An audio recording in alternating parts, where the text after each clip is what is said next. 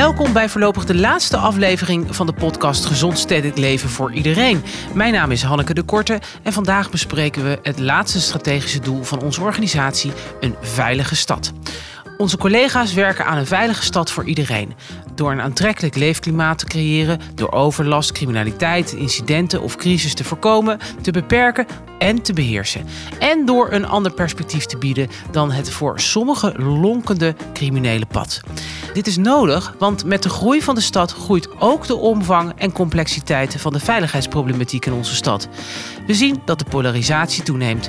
Er zijn steeds meer demonstraties. De jeugdcriminaliteit verjongt en verhardt en hangt grotendeels samen met de drugshandel en de verleiding van het snelle geld. Gelukkig doen we dit als gemeente niet alleen. We werken samen met de stad op hele vanzelfsprekende manier zelfs. En we werken op persoonlijk niveau. Over deze beide thema's praat ik vandaag in de studio met adviseur veiligheid Abdullah Pelevan en expert persoonsgerichte aanpak Michel Kok. Welkom heren hier. Dankjewel. Dank. Fijn dat jullie er zijn. Ook bellen we met een van onze bondgenoten in de stad over wat een netwerk met bondgenoten voor onze stad betekent. En Loekie gaat de straat weer op over een ander onderwerp binnen het strategische doel, namelijk straatintimidatie. Hierover loopt een schurende campagne om straatintimidatie bespreekbaar te maken. Maar eerst dus naar onze gasten uh, hier in ons studiootje op het stadskantoor. Uh, hartstikke fijn nogmaals uh, dat jullie zijn. Hier zijn Abdullah en Michel. Um, Abdullah, ik zei het al, werken aan een veilige stad doen we niet alleen. Dat doen we met de stad. op stedelijk niveau doen we dat. Op wijkniveau werken we samen. We doen dat ook op persoonlijk niveau, persoonsniveau. Jij bent als adviseur onder andere betrokken bij het bondgenotennetwerk. Wat is dat precies en wie zit er daarin? Ja, Um, allereerst even een onderscheid tussen bondgenoten en sleutelfiguren. Als ik kijk naar, uh, naar onze bondgenoten, dan uh, zit het ook in het woord. Bondgenoot betekent ook dat we daadwerkelijk gelijkwaardig met elkaar uh, omgaan. Dat betekent ook dat we een spiegel voorhouden naar datgene wat de overheid doet. Dus een bondgenoot mag tegen ons zeggen van overheid... hey, op dit vlak slaan jullie plank volledig mis. En daar gaan we open met elkaar over in gesprek. Maar dat mag iedereen toch? Mag ik dat, dat mag iedereen, ja, okay. zeker, nee, zeker. Check. Ja, maar bij een sleutelfiguur is het vaak ook meer ophalen van... hé, hey, er gebeurt iets in de samenleving. Wat gebeurt er nou eigenlijk en hoe zie jij dat? En met de bondgenoot zitten we ook om tafel om te spiegelen op onze eigen handelen. En uh, vragen we ook van, hey, uh, wat zie jij ook gebeuren in, in de samenleving? Hoe kunnen we daarop handelen? En er zit ook een actief element in. Dat betekent dus ook dat een, uh, op een moment dat er sprake is van bijvoorbeeld maatschappelijke onrust of spanningen in de stad, dat we ook onze bondgenoten vragen van oké, okay, um, adviseer ons wat kunnen wij hierin doen, maar we verwachten ook input vanuit jullie. Dus dat betekent ook dat onze bondgenoten bijvoorbeeld de straat op gaan om die rellen bijvoorbeeld te gaan voorkomen. Is dit nou uniek voor Utrecht? Zijn wij nou zo anders dan die andere steden? In de afgelopen jaren heb ik ook vanuit mijn eigen rol in het dagelijks leven, als ik niet een podcast presenteer, gezien hoe goed wij als stad toch als een soort netwerk de boel toch vaak, niet altijd lukt dat natuurlijk, maar toch in de tang weten te houden met elkaar. Is dit nou zo bijzonder wat wij hier in Utrecht hebben? Ja, helaas eigenlijk wel. Helaas. Helaas, want je zou willen weten, oh. en voor de politie is eigenlijk ook al bijna een, een standaard dat ze landelijk willen gaan invoeren, zijn ze mee bezig. Um, maar het is nog steeds zo dat we op heel veel vlakken nog steeds de verbinding missen met, uh, met de samenleving. En wij hebben dat toch wel in een meer een, structuur hebben ervan gemaakt. Dus bijvoorbeeld ook onze gebiedsmanagers veiligheid, die zitten één keer in de vijf weken samen met, uh, met de bondgenoten. Dus dat betekent dat we in vredestijd al investeren. En wat we vaak zien uh, in verschillende steden, is dat het toch pas op het moment dat het spannend begint te worden of dat er incidenten en conflicten zijn, uh, dat mensen een beroep gaan doen op de gemeenschappen zelf. En wij zitten daar al in de voorfase, zitten we al, eigenlijk noemen we dat in de vredestijd, hebben we al een fundament gebouwd waarop we uh, kunnen leunen op een moment dat het mis dreigt te gaan. Maar dit is toch hartstikke logisch, jongens? is vet logisch. Het is vet logisch. Ja, ik, ja. Nou, we praten er vast straks nog even over door. Maar goed om te horen dat we dat in Utrecht dus goed georganiseerd hebben. Um, Michel, jij werkt op een ander niveau aan uh, de veiligheid van onze stad. Namelijk als zogenaamde PGA-expert. En ik weet toevallig uit mijn tijd bij de reclassering... dat dat een persoonsgerichte of een persoonsgebonden staat hier... maar voor mij is persoonsgerichte aanpak is op het gebied van radicalisering. Um, wat doe je dan als PGA-expert? Ja, dan... Uh je betrokken bij casuïstiek. Casuïstiek is een uh, moeilijk woord voor uh, mensen die door hun eigen toedoen uh, in de problemen zijn gekomen. Ik zit ook namens de gemeente in een casusoverleg, een multidisciplinair casusoverleg met vier andere partners, reclassering, politie, uh, OM, Raad van de Kinderbescherming. En daar bespreken we dus de casussen die geradicaliseerd zijn. En kijken we hoe we een, een, plan van aanpak kunnen schrijven. Of we een, met als doel om ze weer veilig terug te laten keren in de samenleving. Wauw, dan heb je te maken met iemand die geradicaliseerd is. Of, of in elk geval dat op punt staat misschien wel vreselijke dingen te doen. En dan schrijf je een plan van aanpak en dan is het opgelost. Ja, Denk knap, niet, hè? Denk ik niet, nee. Vertel iets meer, want het, je doet vast meer dan dit. Want het is natuurlijk heel spannend. Eh, het klinkt ook spannend, maar het is ook best wel spannend. Want ja, dit zijn mensen die echt wel... Nou ja, dit zijn geen, uh, laat ik zeggen, ze hadden geen appeltje bij de groenteboer. Nee, klopt. In potentie. Klopt. He? En uh, het is ook ingewikkeld, hè? want je zit vaak met mensen tegenover je die noem maar een voorbeeld, jou zien als de vijand. Hè? De, de overheid is niet meer te vertrouwen. Nou, ik kom vanuit de overheid, dus dat is al, daar sta je al 10-0 achter. Het ehm, zijn mensen die soms heel boos zijn of heel verdrietig, heel teleurgesteld, heel veel grieven hebben vanuit het verleden.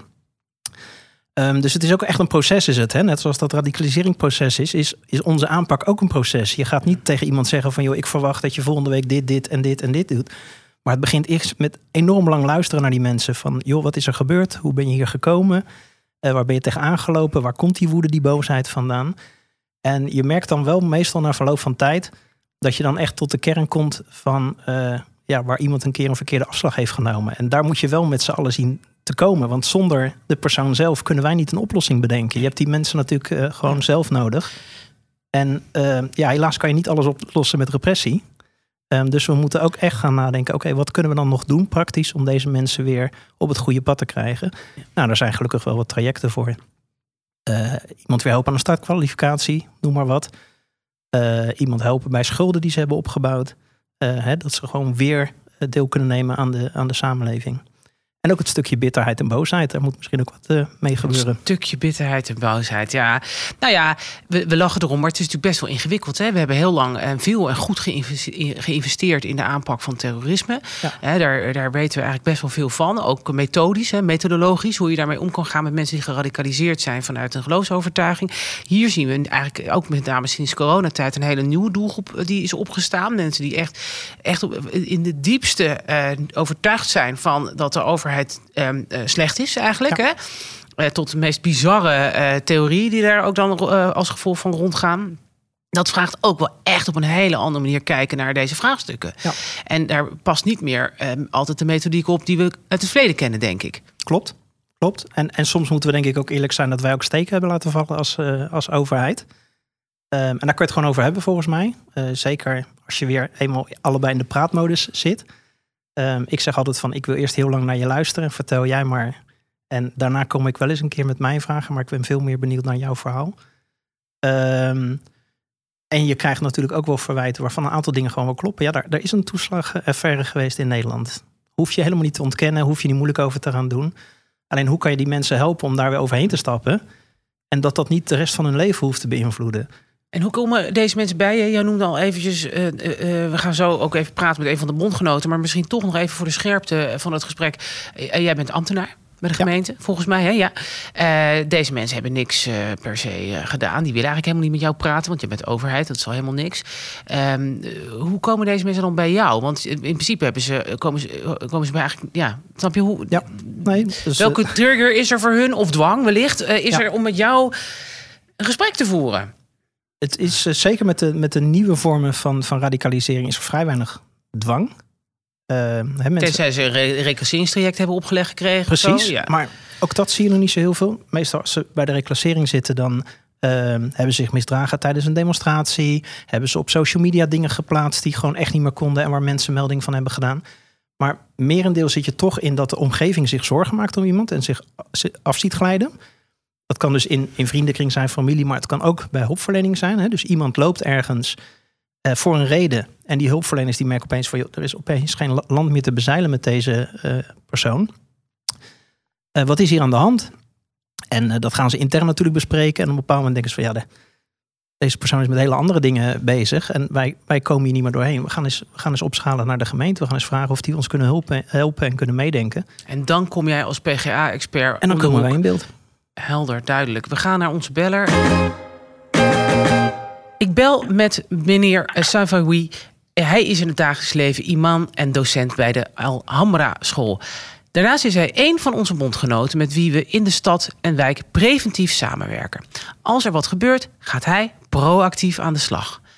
Um, meneer Safawi, waarom neemt u eigenlijk plaats in dat bondgenotennetwerk van de, de stad Utrecht? Ja, ik was uh, eigenlijk ook een van de uh, eerste die daaraan uh, deel heeft genomen.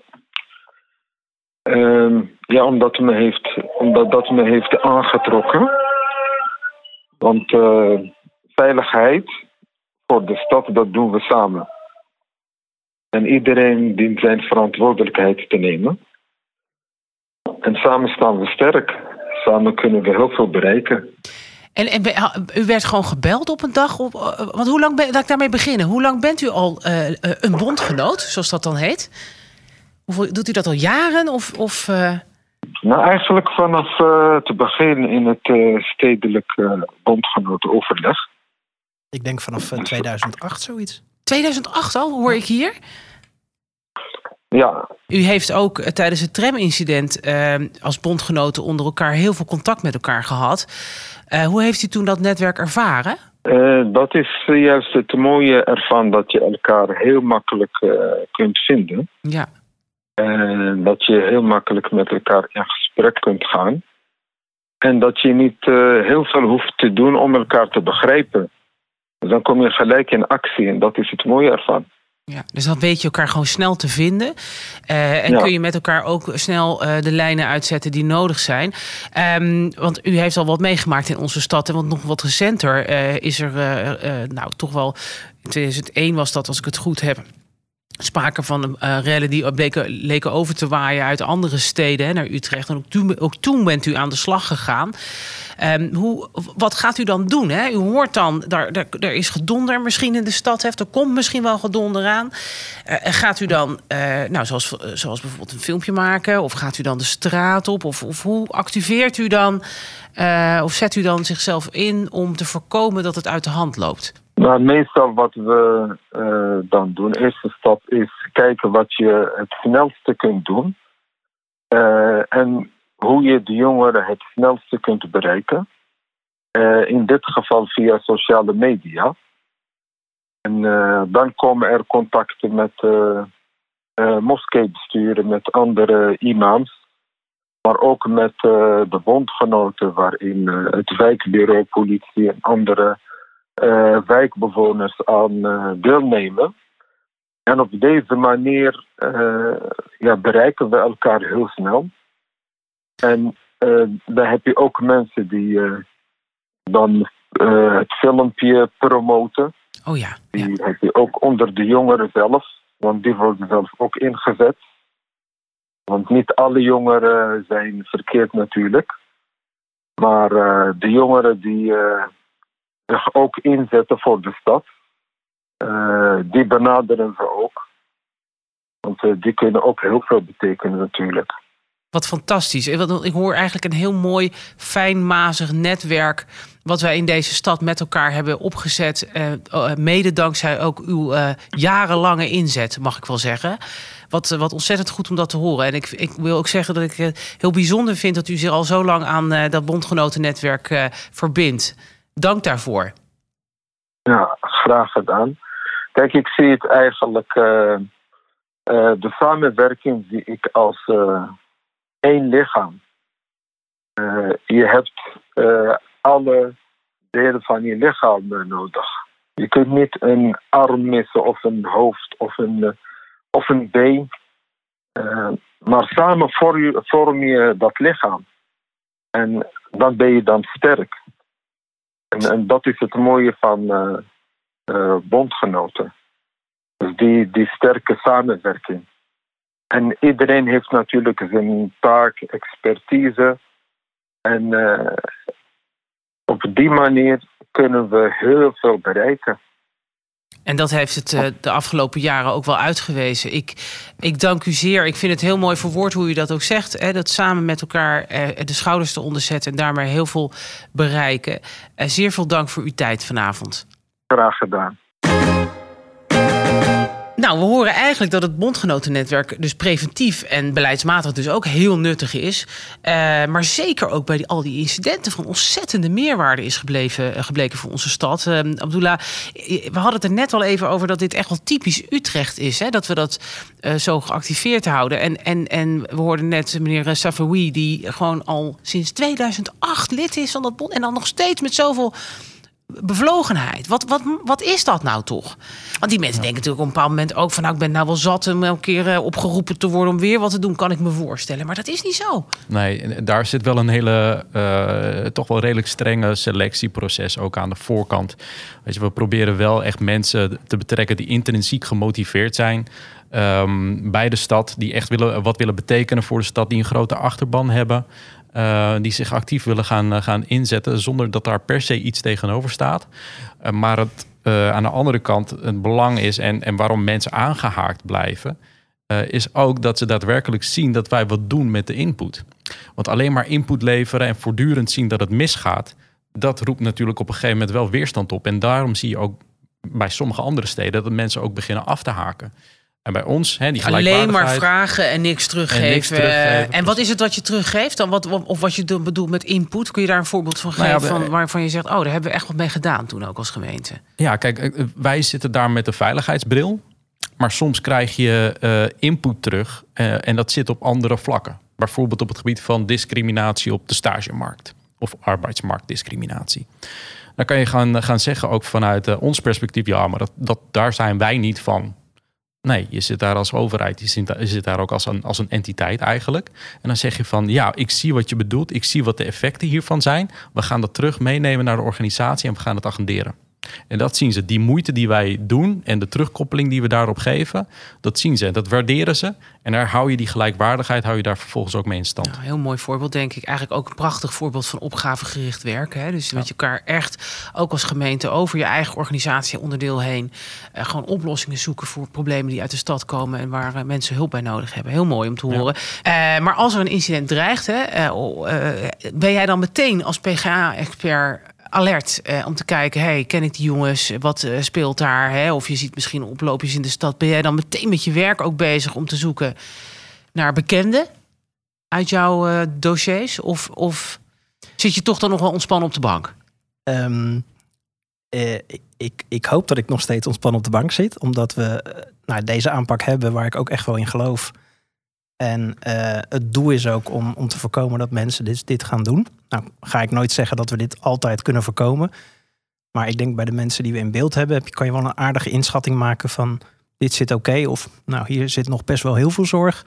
Maar dan wordt dan ook iets anders op ingezet. Dus daar, daar zit veel meer bovenop dan uh, in, in, die andere gevallen. Als uh, het kan natuurlijk fout gaan. We hebben de, de tramaanslag gehad, is zo'n voorbeeld. mensen kunnen gewoon door, door de, mooiste afspraken heen glippen. Uh, dat, dat blijkt maar weer. Um, maar um, ja, samen met alle partijen waarmee je aan tafel zit, zit je natuurlijk ook te kijken van nou, wie hebben we nou in de stad? Met wie gaat het goed? Met wie gaat het minder goed? Zijn er dingen die spelen die triggers kunnen zijn? Hè? Die, die deze mensen doen afglijden?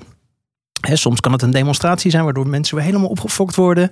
Denken van, nou, nu ga ik ervoor. Nou, dat kan mogelijk leiden tot een veroordeling. is ook een signalerende functie is Tuurlijk, heel belangrijk. Dat is heel belangrijk dat jij weet hoe jouw ja. uh, mensen ervoor staan. Ja, dat is onze verantwoordelijkheid. Ja. Uh, Abdullah, jij wilde reageren op Michel, maar uh, ja, heel je kort. hield jezelf in, maar doe dat ja, vooral niet. Hij heeft natuurlijk ook al het een en ander gezegd. Nou, dit, dit zit heel specifiek op de, de casuïstiek. Dus de mensen die, uh, die al in onze aanpak zitten op het gebied van radicalisering.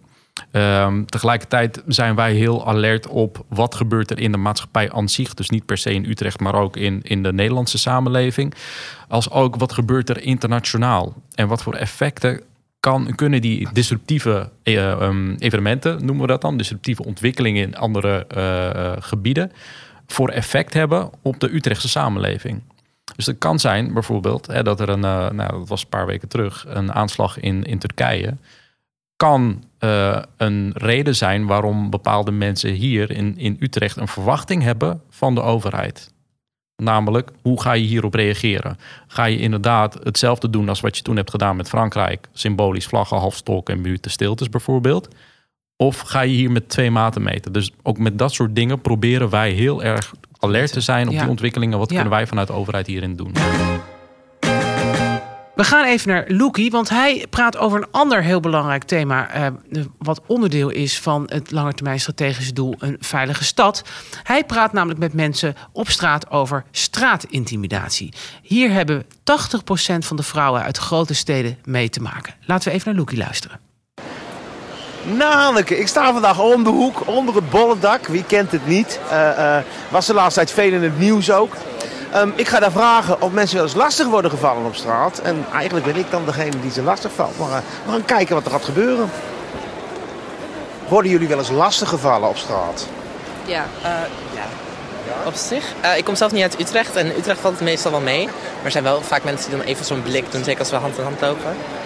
Dus jullie zijn ja, van, van dezelfde club als ik, zou- als ik zou ik maar zeggen. Dus jullie zijn een stelletje als twee dames. Want de mensen die de podcast luisteren, die weten dat natuurlijk niet. Hey, en, en doen jullie dan zelf iets als, je, als dat gebeurt? Ehm, Het- Als actie, tegenactie? eh, meestal snel doorlopen. ja. Gewoon door. En meld je het wel eens? Ehm naar mij is nog nooit echt iets heel heftigs overkomen. Maar stel dat ik zou eens een keer echt worden aangevallen fysiek of zo, dan zou ik er wel een melding van maken. Maar als iemand eens een keer ja, iets roept of zo, dan meestal niet. Heeft niet zoveel zin, denk ik. Herkenbaar. Ik, ik zeg nooit wat terug eigenlijk. Nee? Nee. Nee. Maar het gebeurt wel vaak hoor. You live in Utrecht? Yes, I do. Okay. Have you ever been harassed in the street? Yes, I have been. Uh, sometimes in the evenings, you walk home from work, it's late, or on a weekend, and it's the party night for college students. You have people who are drunk on drunks on alcohol come up to you. They want money. Some people ask for cigarettes. They come up, they touch you, and they're like, "Oh, hey, this and this." Sometimes they just come up and they're very aggressive, and they want people to go in the store and buy me this, or "Oh, do you have money for this?" And just being very, very loud and handsy and aggressive.